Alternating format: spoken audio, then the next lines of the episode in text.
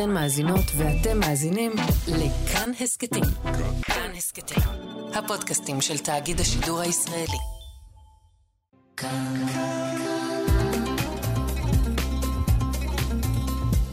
כאן תרבות.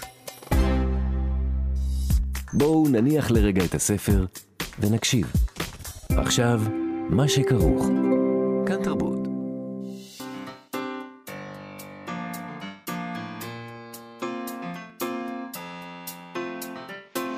מה שכרוך. עם יובל אביבי ומה יעשה לה.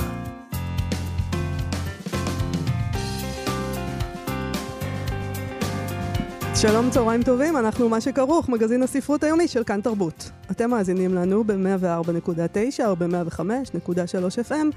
אפשר גם להאזין לנו כהסכת באתר, באפליקציה של כאן, ובכל יישומוני ההסכתים. איתי אשת הוא המפיק שלנו על הביצוע הטכני, אלעד זוהר, שלום לכם, שלום יובל אביבי. שלום, מאיה סלע. יש לנו היום על השולחן אה, שני ספרים שחוזרים על היצירה של שני כותבים גדולים שלנו, חנוך לוין ויונה וולך. אנחנו נדבר היום על חנוך לוין עם אה, מולי מלצר, עורך הוצאת אה, ספרי עליית הגג. שם יצא לאחרונה הספר שלו, חנוך לוין, בלי פסיכולוגיה ובלי שטויות. למעשה אין שם ו' חיבור, אני הוספתי אותה. בלי פסיכולוגיה, בלי שטויות.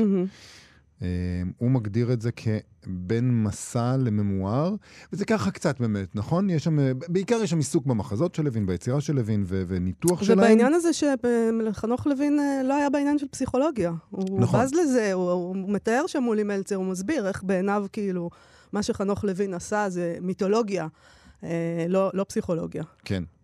ו, אה, וגם הוא מדבר שם על כל מיני דברים, על היהדות אצלו, על מקורות ההשראה שלו. אין, אין שם אה, פסיכולוגיה, ואין שם היסטוריה גם, נכון? זה עוד משהו שהוא מדבר עליו, שלדמויות אין היסטוריה. נכון, אין עבר. אה, אין עבר.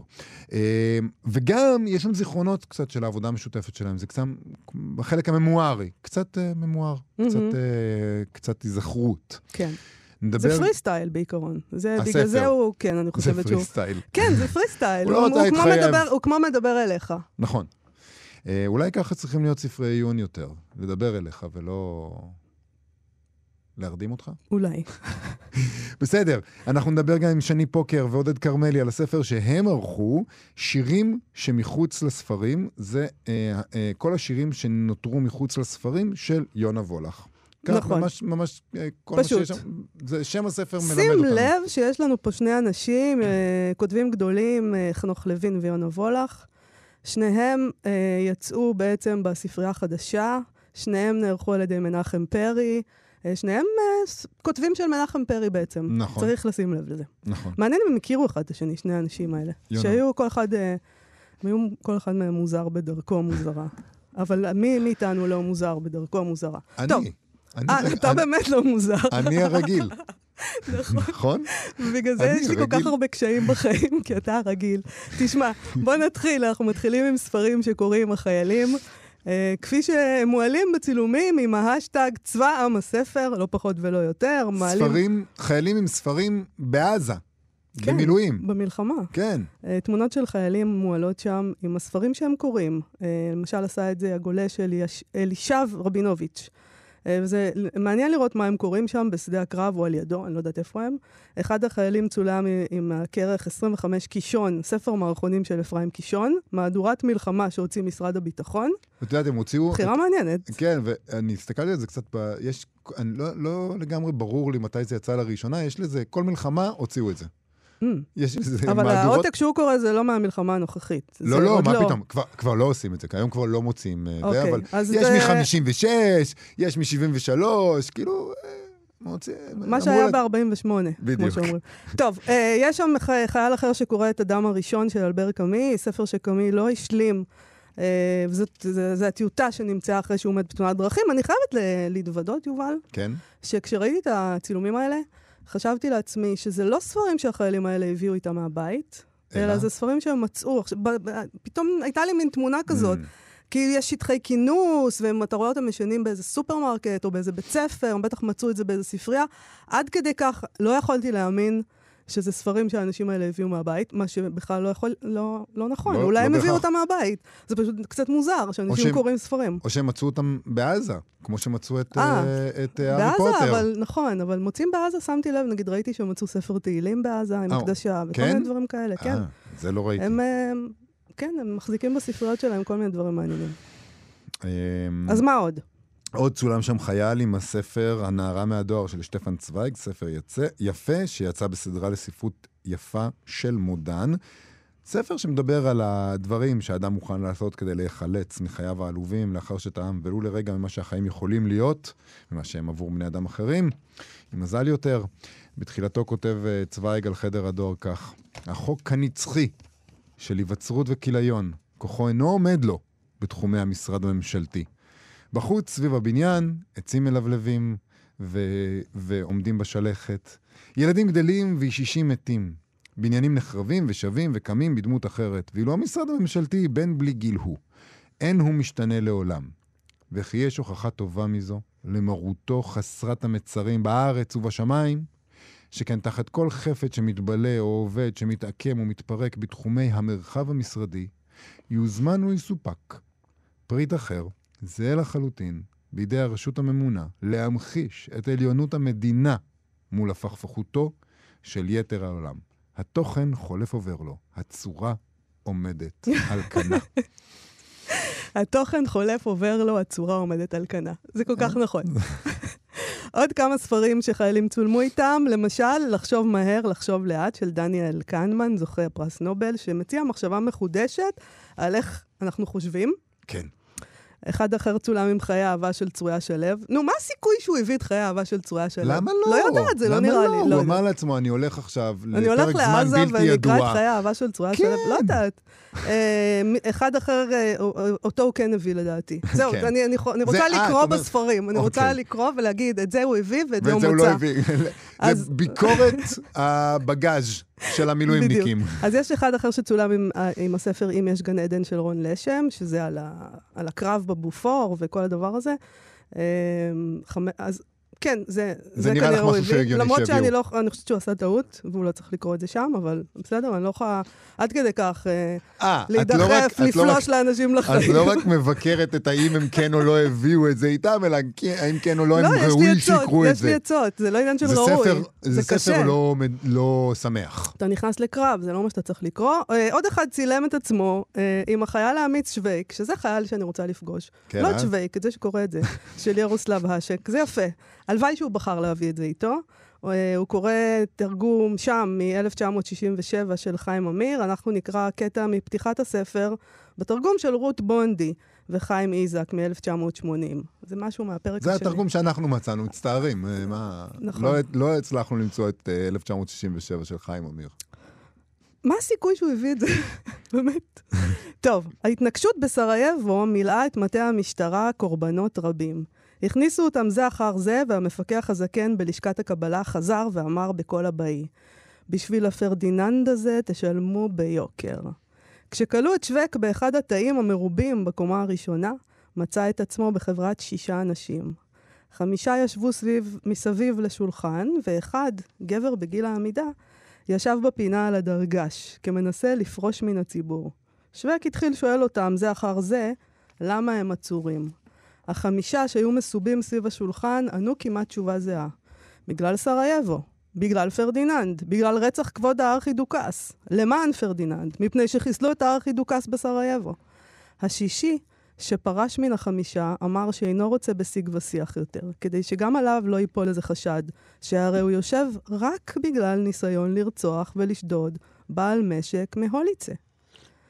שווק התיישב ליד השולחן, בתוך חבורת הקושרים שכבר סיפרו בפעם העשירית, איש לרעהו, איך נקלעו לכאן. כולם, חוץ מאחד, נתפסו בבית מרזח, או במרתף יין, או בבית קפה. היוצא מן הכלל היה איזה שמן מופלג, ממושקף, עיניו אדומות מבכי, שנעצר בדירתו, מכיוון שיומיים קודם ההתנגשות בסרייבו, שילם בפונדק או בריישקו את חשבון השתייה של שני סטודנטים סרבים מן הטכניון, והבלש בריקס ראה אותם, אותו בחברתם במונמרטרה שברחוב רז'יטוז'ווה.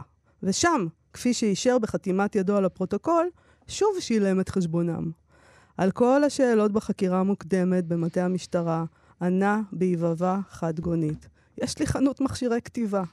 על כך קיבל את התשובה הסטריאוטיפית, זה לא יכול לשמש לך תירוץ. ספר טוב, החייל אמיץ שווייק. נהדר. יישר כוח.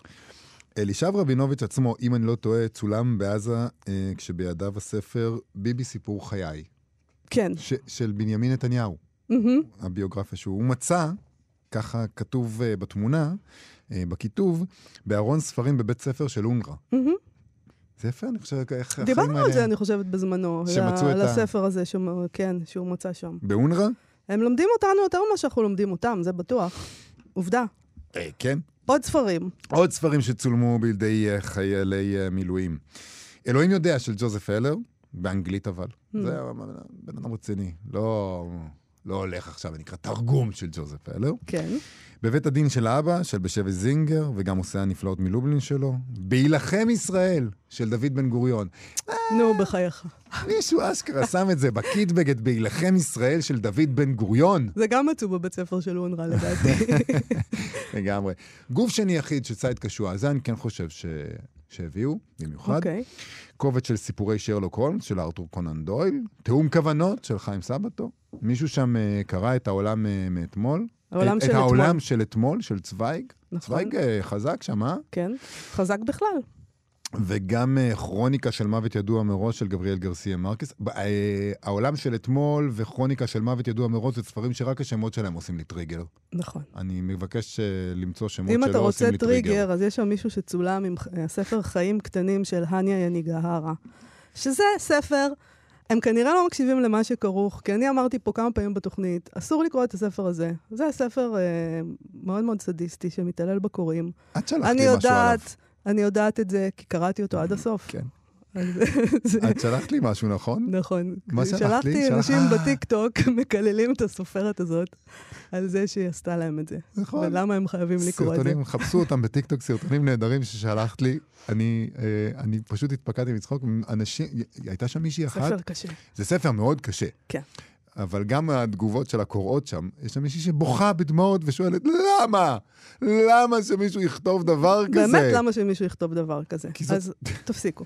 טוב, אה, יש שם מישהו עם אה, שתהיי לי הסכין של גרוסמן, דוד גרוסמן, אה, וגם הסיפור של איסק באבל, וספר עיון באנגלית של ברד סמית. אה, אה, Tools and Weapons, The Promise and Peril of, of the Digital Age. באמת, בסדר, אוקיי, את זה הוא כאילו- הביא, את זה הוא לא מצא בבית כאילו ספר. לא מספיק קשה בעזה, בן אדם. יש עוד המון המון אה, כאלה, אפשר לחפש בפייסבוק את האשטג, אה, כן. אוקיי, אני רוצה מעניין לעניין באותו עניין. חיילים וספרים בעזה. העיתונאית טל שניידר צייצה בטוויטר, או כפי שזה נקרא עכשיו, איקס. אני שונאת שאומרים את זה. זה שהוא החליף את השם ל-X לא אומר שאנחנו לא יכולים להמשיך לקרוא לזה טוויטר. בסדר. אני לא עובדת אצלו, אני יכולה לקרוא לזה איך שבא לי. כולנו עובדים אצלו. טוויטר, כן? אנחנו עובדים אצלו. אני לא עובדת אצלו. אני חושב שלהתעסק עם אילון מאסק, זה קצת כמו להתעסק עם הסינים או הרוסים. מה, הוא יתבע אותי כי אני קוראת לזה טוויטר? האנשים האלה לא טובים, מאיה. הם מגיעים אלייך. הם מעלימים אותך הם פשוט? מסדרים את זה. בסדר.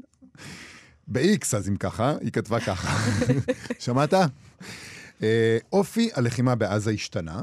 זאת אומרת, יש להם יותר זמן פנוי, זה מה שאני חושב שהיא התכוונה. החיילים ביקשו מן ההורים שישלחו חבילות של ספרים לתוך הרצועה, אז היא הלכה והיא בדקה בקבוצות וואטסאפ של הורים מיחידות שונות מה החיילים מבקשים לקרוא, והיא פרסמה שם גם רשימה קצרה.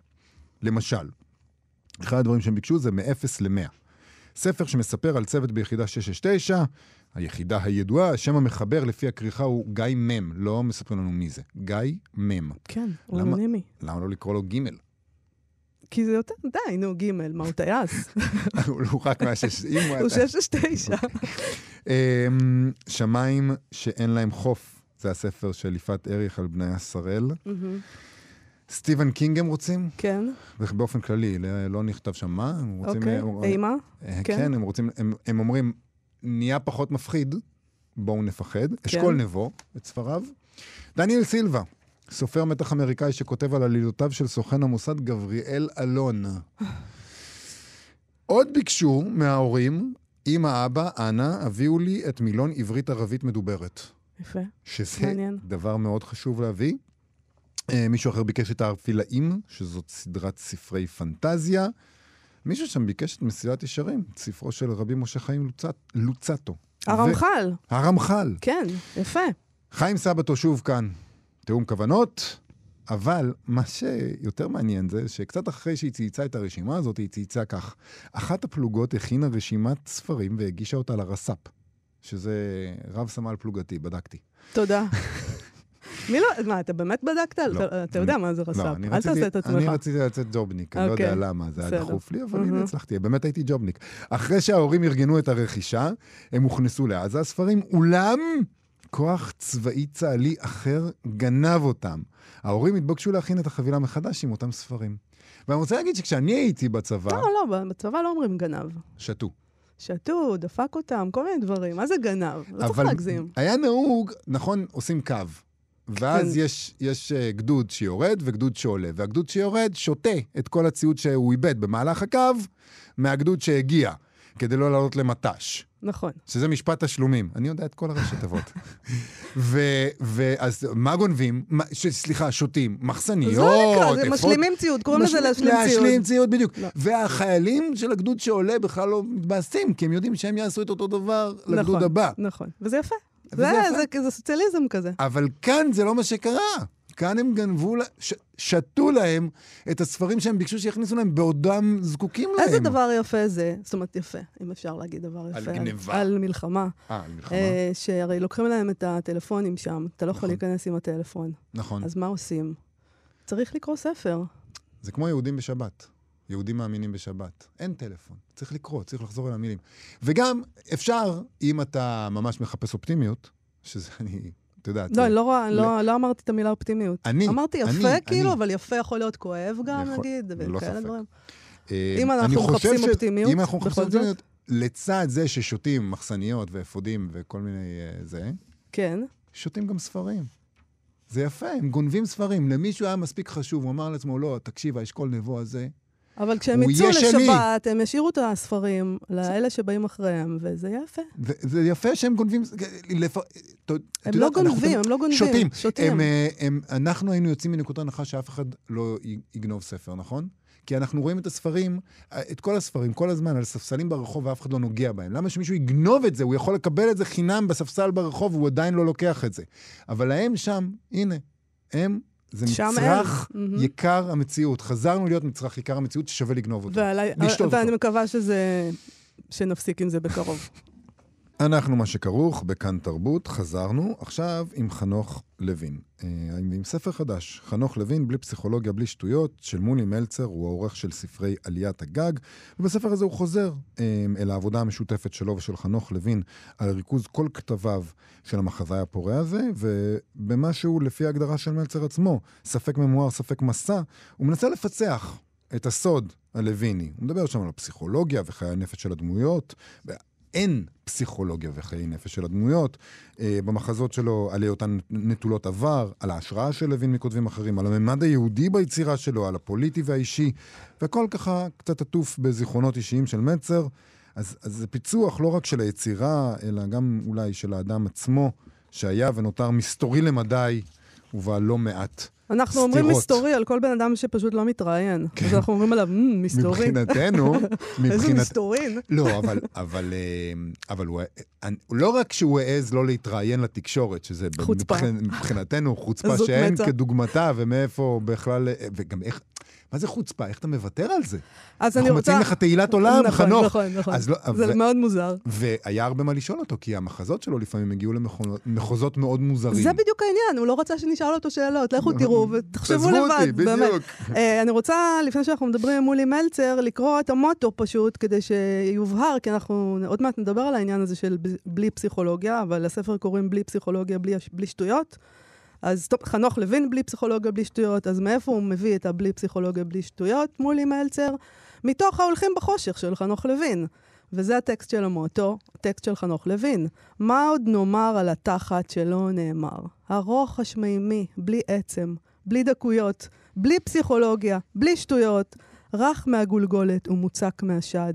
קומבינציית ביניים בין פלדה למים, ובין חלק לחלק מעמיק פלג. אך, החריץ האפלולי המכאיב, המבטיח.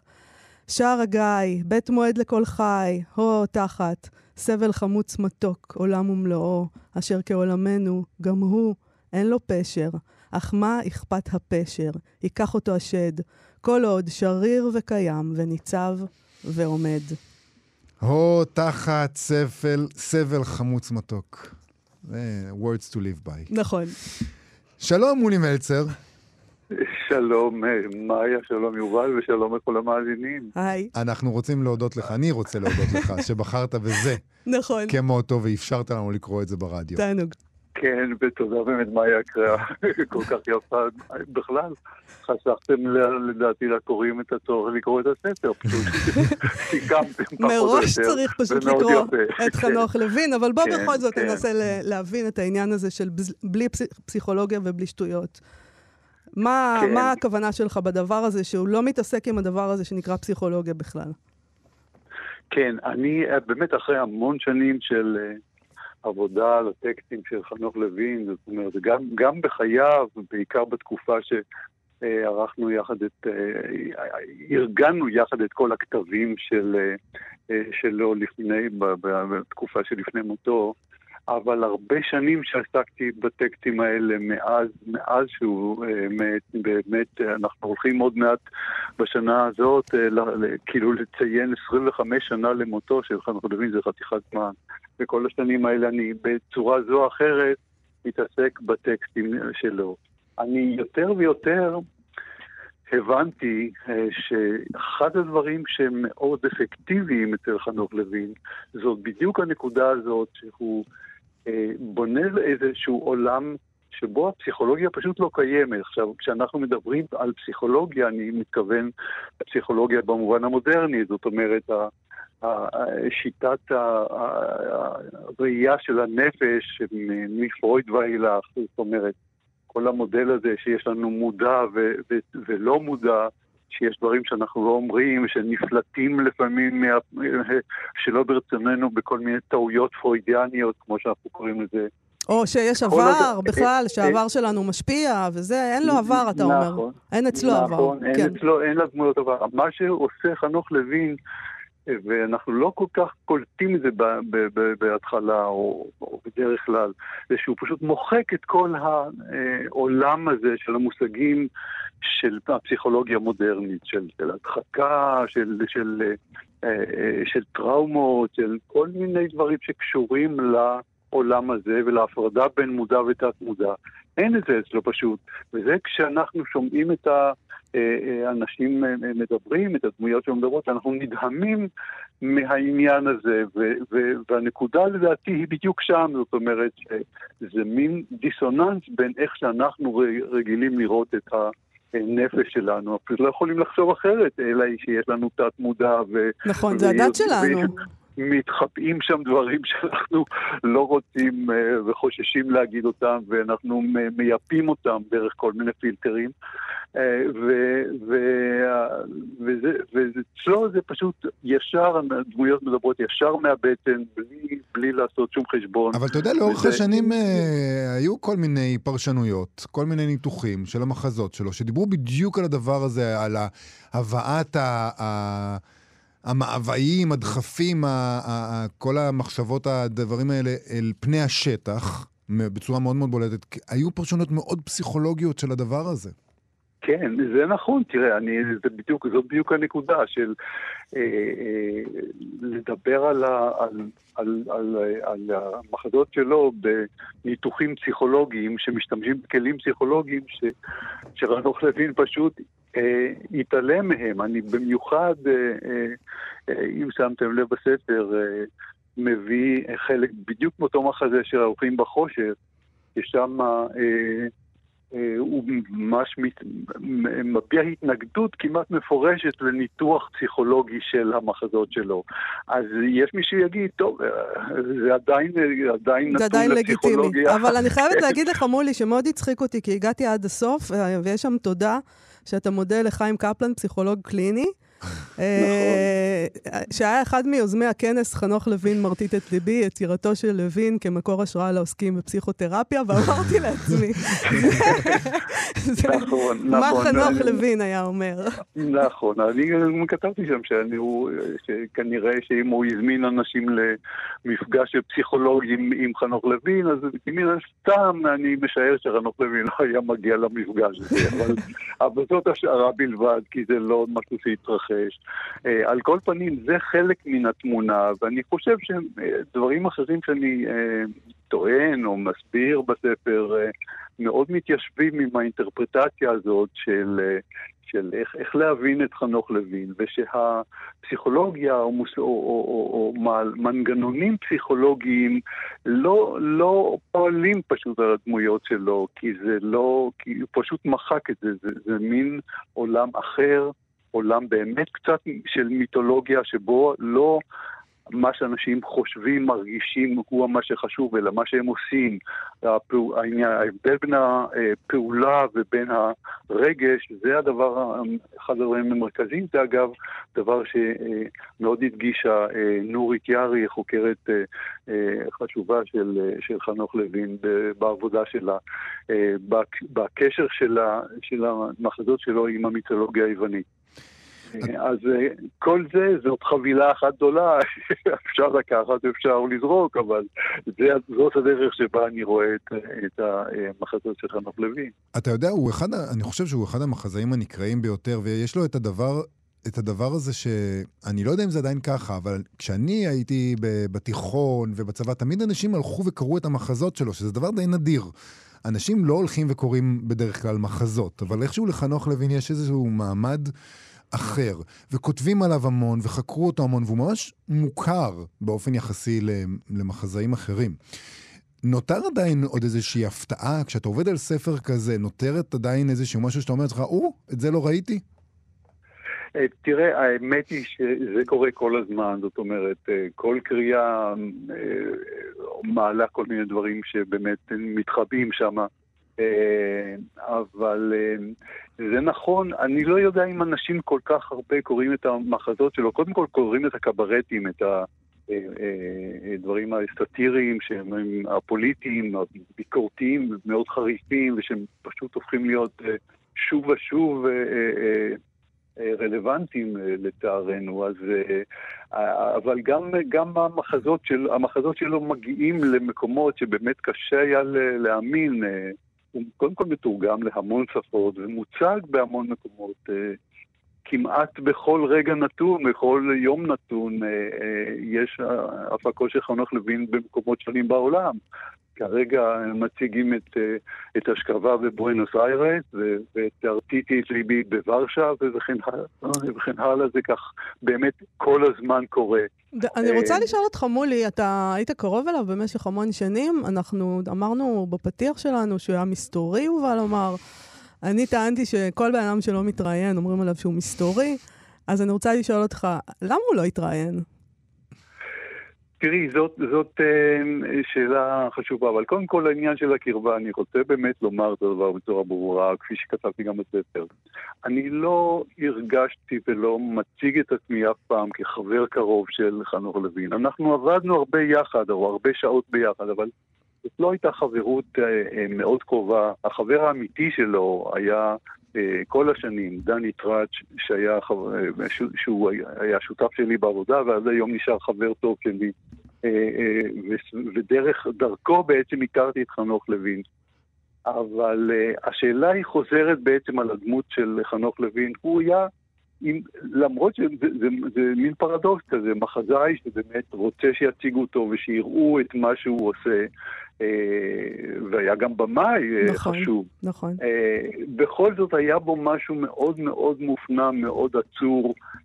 אני מספר איך שהוא בא לקבל תיאטרון, פרס תיאטרון ועלה לבמה וכשחיכו ממנו שייתן איזה נאום קטן, אז הוא פשוט הסתכל במבוכה על הקהל, אמר תודה רבה, ופשוט ירד מהבמה. אבל אתה חושב שזה היה כי הוא היה ביישן, או כי הוא הסתכל עליהם בבוז? אני, אני חושב, אמר, אני, אני חושב, לא הולך לדבר עליכם.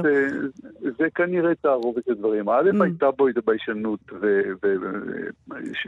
והייתי אומר אולי שיהיה רצון לשמור על פרטיות יותר מאשר אה, ביישנות.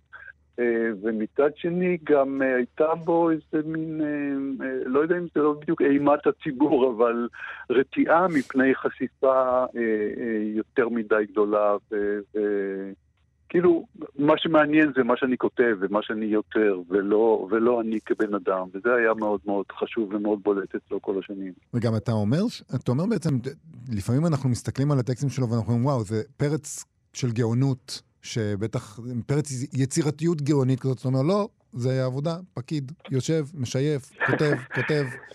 אבל כן. גאוני, פקיד גאוני אולי. ללא ספק. כן, זה, זה, זה, זה חלק מהעניין, הוא באמת אה, מגיל מאוד צעיר החליט להיות אה, אה, סופר, יוצר, משורר, ופשוט החליט שזאת העבודה שלו, וזה פשוט היה הרבה שנים כל יום לקום בבוקר ולהתיישב ול- ולכתוב, או לפחות להתיישב ולהתכוון לכתוב, גם אם לא יוצא שום דבר.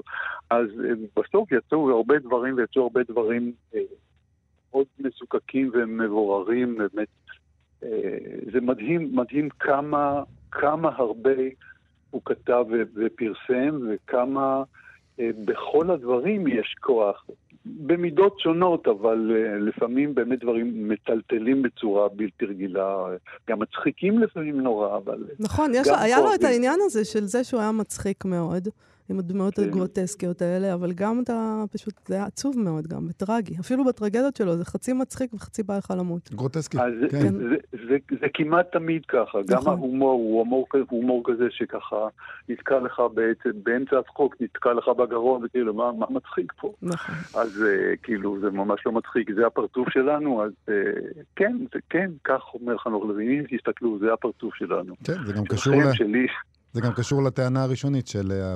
היעדר הפסיכולוגיה, כן, זה הפרצוף. אנחנו, אנחנו כן, צריכים כן. אה, עוד מעט לסיים, אבל אנחנו חייבים לשאול אותך, הספר הזה כבר הצליח לעורר איזה סערונת קטנה, אולי בכוס. תה, אבל אה, סערה קטנה, עם איזושהי מלחמת קרדיטים עם מנחם פרי, שאצלו יצאו אה, כל הכתבים בעצם של חנוך לוין, או לפחות בהתחלה. אה, מה פשר ה- ה- הוויכוח הזה? כן, והוא התלונן על זה שלא הזכרת אותו בכלל בריאיון שנתת להארץ ובספר. כן.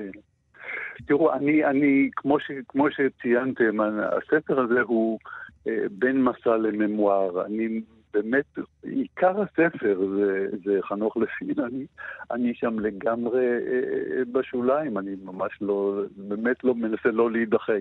אני פה ושם מספר איזו אנקדוטה קטנה על העבודה, אבל עיקר הספר זה דיון בכל מיני צדדים ביצירה של חנוך לוין. אני גם אומר באופן מפורש, אני הכרתי את חנוך לוין בשנת 85 כסופר ומחזאי בשל ועשוי, ואני לא לוקח שום קרדיט על השנים שלפני כן, ועשו אנשים עבודה חשובה, וזאת בעיניי ממש שאלה לגמרי צדדית ומשנית. אני, ושוב, אני גם מזכיר, בעיניי, או לפחות מבחינת הביוגרפיה שלי, השנים שיותר התעסקתי עם חנוך לוין, עם הטקסטים שלו, הם דווקא השנים אה, אה, צריך לזכור, עשינו אה, אה, כמה שנים, כעשר שנים אחרי מותו, עשינו את ספר, אה, הציטוטים של חנוך לוין. עשה זה יחד עם עודד וולקשטיין ודני טראץ' ואני. אה, זה היה אומר, זה אמר לקרוא בקפדנות וביסודיות את כל הכתבים לחנוך לוין. נכון, זה ספר נפלא. הציטטות כן. זאת אומרת, אני המון שנים מתעסק בחנוך לוין אחרי מותו, וזה באמת אה, הדבר שגם גרם לי אה, אה, אה, לכתוב בסופו של דבר את הספר הזה. אין לי שום עניין במלחמה על קרדיטים, זה ממש... אה, אני לא חשבתי שהמצאתי את חנוך לוין, גם לא כתבתי בשום מקום דבר כזה. אז כך שכל העניין אז, הזה אה, הוא... אז הוא בוא נסכים שחנוך לוין הוא. של כולנו, עם התחת והדג. המלוח וכל הדבר הזה. לגמרי, לגמרי, לי ממש שום בעלות whatsoever על חנוך לוין. מולי מלצר, כן. הספר חנוך לוין, בלי פסיכולוגיה, בלי שטויות, בין מסע לממואר, יצא בספרי עליית הגג, ידיעות אחרונות. תודה רבה לך על השיחה הזאת. תודה לכם. להתראות. תודה. להתראות. אנחנו, מה שכרוך בכאן תרבות, חזרנו, ואנחנו עם יונה וולך. אה, נכון. נכון. העובדה שאפשר להעמיד ספר שלם מהשירים שלא נכללו בספרים מעידה בעליל על היותה של וולך, משוררת נערכת. יותר מבני דורה, יותר מכל משורר עברי אחר. והעובדה הזו צריכה, מצריכה, הסבר. ככה אומרים אה, שני פוקר ועודד כרמלי, שניהם משוררים ושניהם עורכים, והם ערכו אה, את, הם אומרים את זה בפתח הדבר של השירים מחוץ לספרים, שזה ספר שהם ערכו ומקבץ, כשמו כן הוא, את כל השירים של יונה וולך שלא נכנסו לספרים שלה, וזה יוצא עכשיו בהוצאת הספרייה החדשה בשיתוף הווה לאור, והם איתנו עכשיו, שלום שני פוקר. שלום. שלום עודד כרמלי. שלום חברים. אז שני, העובדה הזאת מצריכה הסבר ואתם מספקים אותו אה, בפתח הדבר, ובכל זאת, בקצרה, מה זה אומר משוררת נערכת? מה, מה הסיפור מאחורי העריכה של יונה וולך? למה יש כל כך הרבה שירים שלא נכנסו לספרים? אמ, הסיבה העיקרית היא שהקורפוס של וולך בעצם התהווה, כל נקודת המוצא שלו היא איזשהו, איזשהו סוג של בלגן. גם בגלל אה, ש...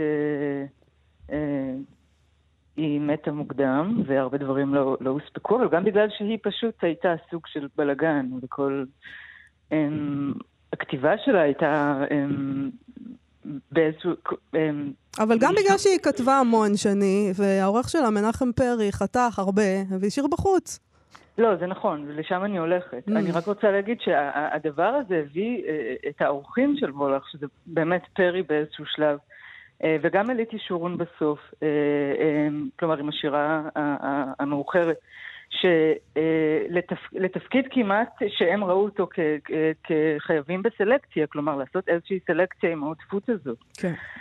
ובסופו של דבר איזשהו עיצוב של קורפוס ושל דמות של וולך כמשוררת. ואני גם לא חושבת, נגיד, אני חושבת שעליתי שורון עשתה המון חסד עם וולך. אה, ואני חושבת שתת הכרה זה קובץ שהוא מופת של אה, טוב טעם. אבל אני חושבת שבכעבור אה, עשרות השנים האלה, ושאנחנו רואים כמה וולך היא משוררת גאונה, אנחנו רוצים לראות, כלומר, את כל האקספרימנטים שהיא עשתה, מה גם שיש דברים נורא יפים ש... שפרסמנו עכשיו בספר, וזה באמת משלים, כלומר, את, את, את, זה, זה פשוט פותח את זה מחדש, את, ה, את הקורפוס הזה, אה, ונראה לי הוא צריך אה, אה, להיפתח מחדש.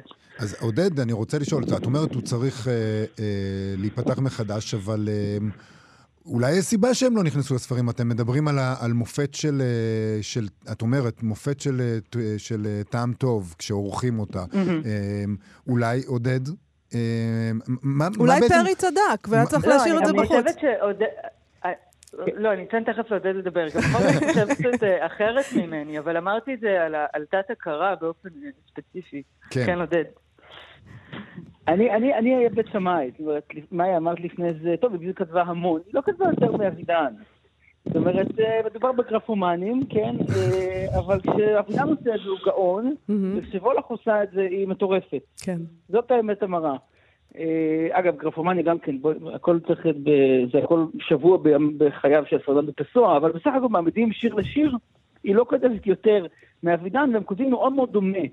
בשנות ה-70, הם שניהם מובילים מהפכה, אה, את מהפכת הקונספטואליזם בשירה, כן, שירת מטה כזו מאוד שכלתנית, מאוד פטפטנית, פרוזאית, אינסופית, אה, שאתה לא יודע איפה היא מתחילה ואיפה היא מסתיימת. אבינם עושה את זה ומתקבל בזרוע פתוחות, ליונה וולך אומרים, לא, לא, את ילדת פרחים. את תישארי ילדת פרחים. אה, ולא מקבלים את יונה וולך המאוחרת. אני אומר, אני אומר המאוחרת, היא בת 28, זה ברור. כן. אומרים את סיימת קריירה. אה, לא רק פרי, אגב, גם בעיתונים. אומרים, אה, השירים, השירה החשובה של וולך מאחוריה, לא מקבלים אותה כאישה בוגרת ודעתנית, מנסים להשאיר אותה באיזו משבצת של ילדת פרחים אולטימטיבית, כן, איזו ילדת סיקסטיס כזאת. אה, אני חושב שהשירה של וולך המאוחרת יותר מעניינת מזו המוקדמת, לפחות לטעמי, ובכל mm. מקרה זה איזשהו מטען, כן, לטעמי בטח. אגב, אני באופן אישי, אני חייב לומר, וזה פשוט סתם uh, uh, נורא מעניין איך אתה ניגש לדברים. הספר הראשון של וולך שקניתי, אני ניגשתי לסטימצקי בכפר סבא, אמרתי, יש לכם ספר שירה של יונה וולך? אמרו כן, והגישו לי את מופע. כן. לכן אני קראתי את המאוחרת לפני המוקדמת. כשהגעתי לשירי דברים, כבר היה לי איזה image של יונה וולך שנורא נורא אהבתי ונורא התעניינתי, נורא הופתעתי. הופתעתי לרעה, זאת מבחינתי זה הפוך. כן? רגע, אבל, אבל כרמלי, אני כן, רוצה, כן, אני כן, רוצה כן. לשאול אותך, כי זה נורא מעניין בעיניי. יש איזה מין ביקורת שאני שומעת בדברים של שניכם, על האופן שבו היא נערכה ועל זה שהיא נערכה, ועדיין הספר הזה יוצא בספרייה החדשה לשירה. אה, זה הוצאה של אה, מנחם פרי, הוא המו"ל של יונה וולך, הוא, זה, אני מרגישה שהוא נתן לכם את ברכתו בזה. זה זה את צריכה לשאול אותו, אני לא יודע איזה לגבי ברכתו. אני יכול להגיד. הגזמתי, נסחפתי קצת. ברכתו. אה, אני כן יכול להגיד אבל שהפנייה שלנו אה, אה, החדשה ולקיבוץ המאוחד, אה, זה היה מתוך ניסיון לעשות איזשהו תיקון היסטורי, באמת תיקון חשוב מאוד.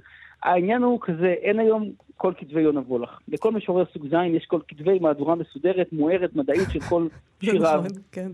באמת, בכוונה אני אומר כל משורר סוג ז', זאת אומרת, לא רק אה, ויזל הורוביץ, אבידן וכולי, באמת משוררים מדרגים הרבה יותר נמוכים, יש מהדורה שלמה.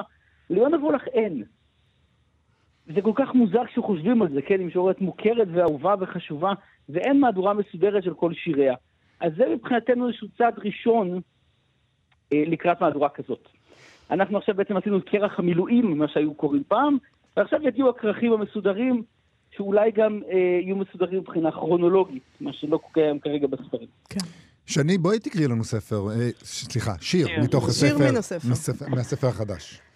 אה, אוקיי, אז אני אקרא אה, שיר שפורסם במאזניים ב-81, אה, והוא נקרא הרגשות. הרגשות שלנו בני ערובה. אנחנו מחליפים אותם זה בזה. שלי תמורת שלך, שלך תמורת שלי. אנחנו נישא וניתן. מה תמורת מה?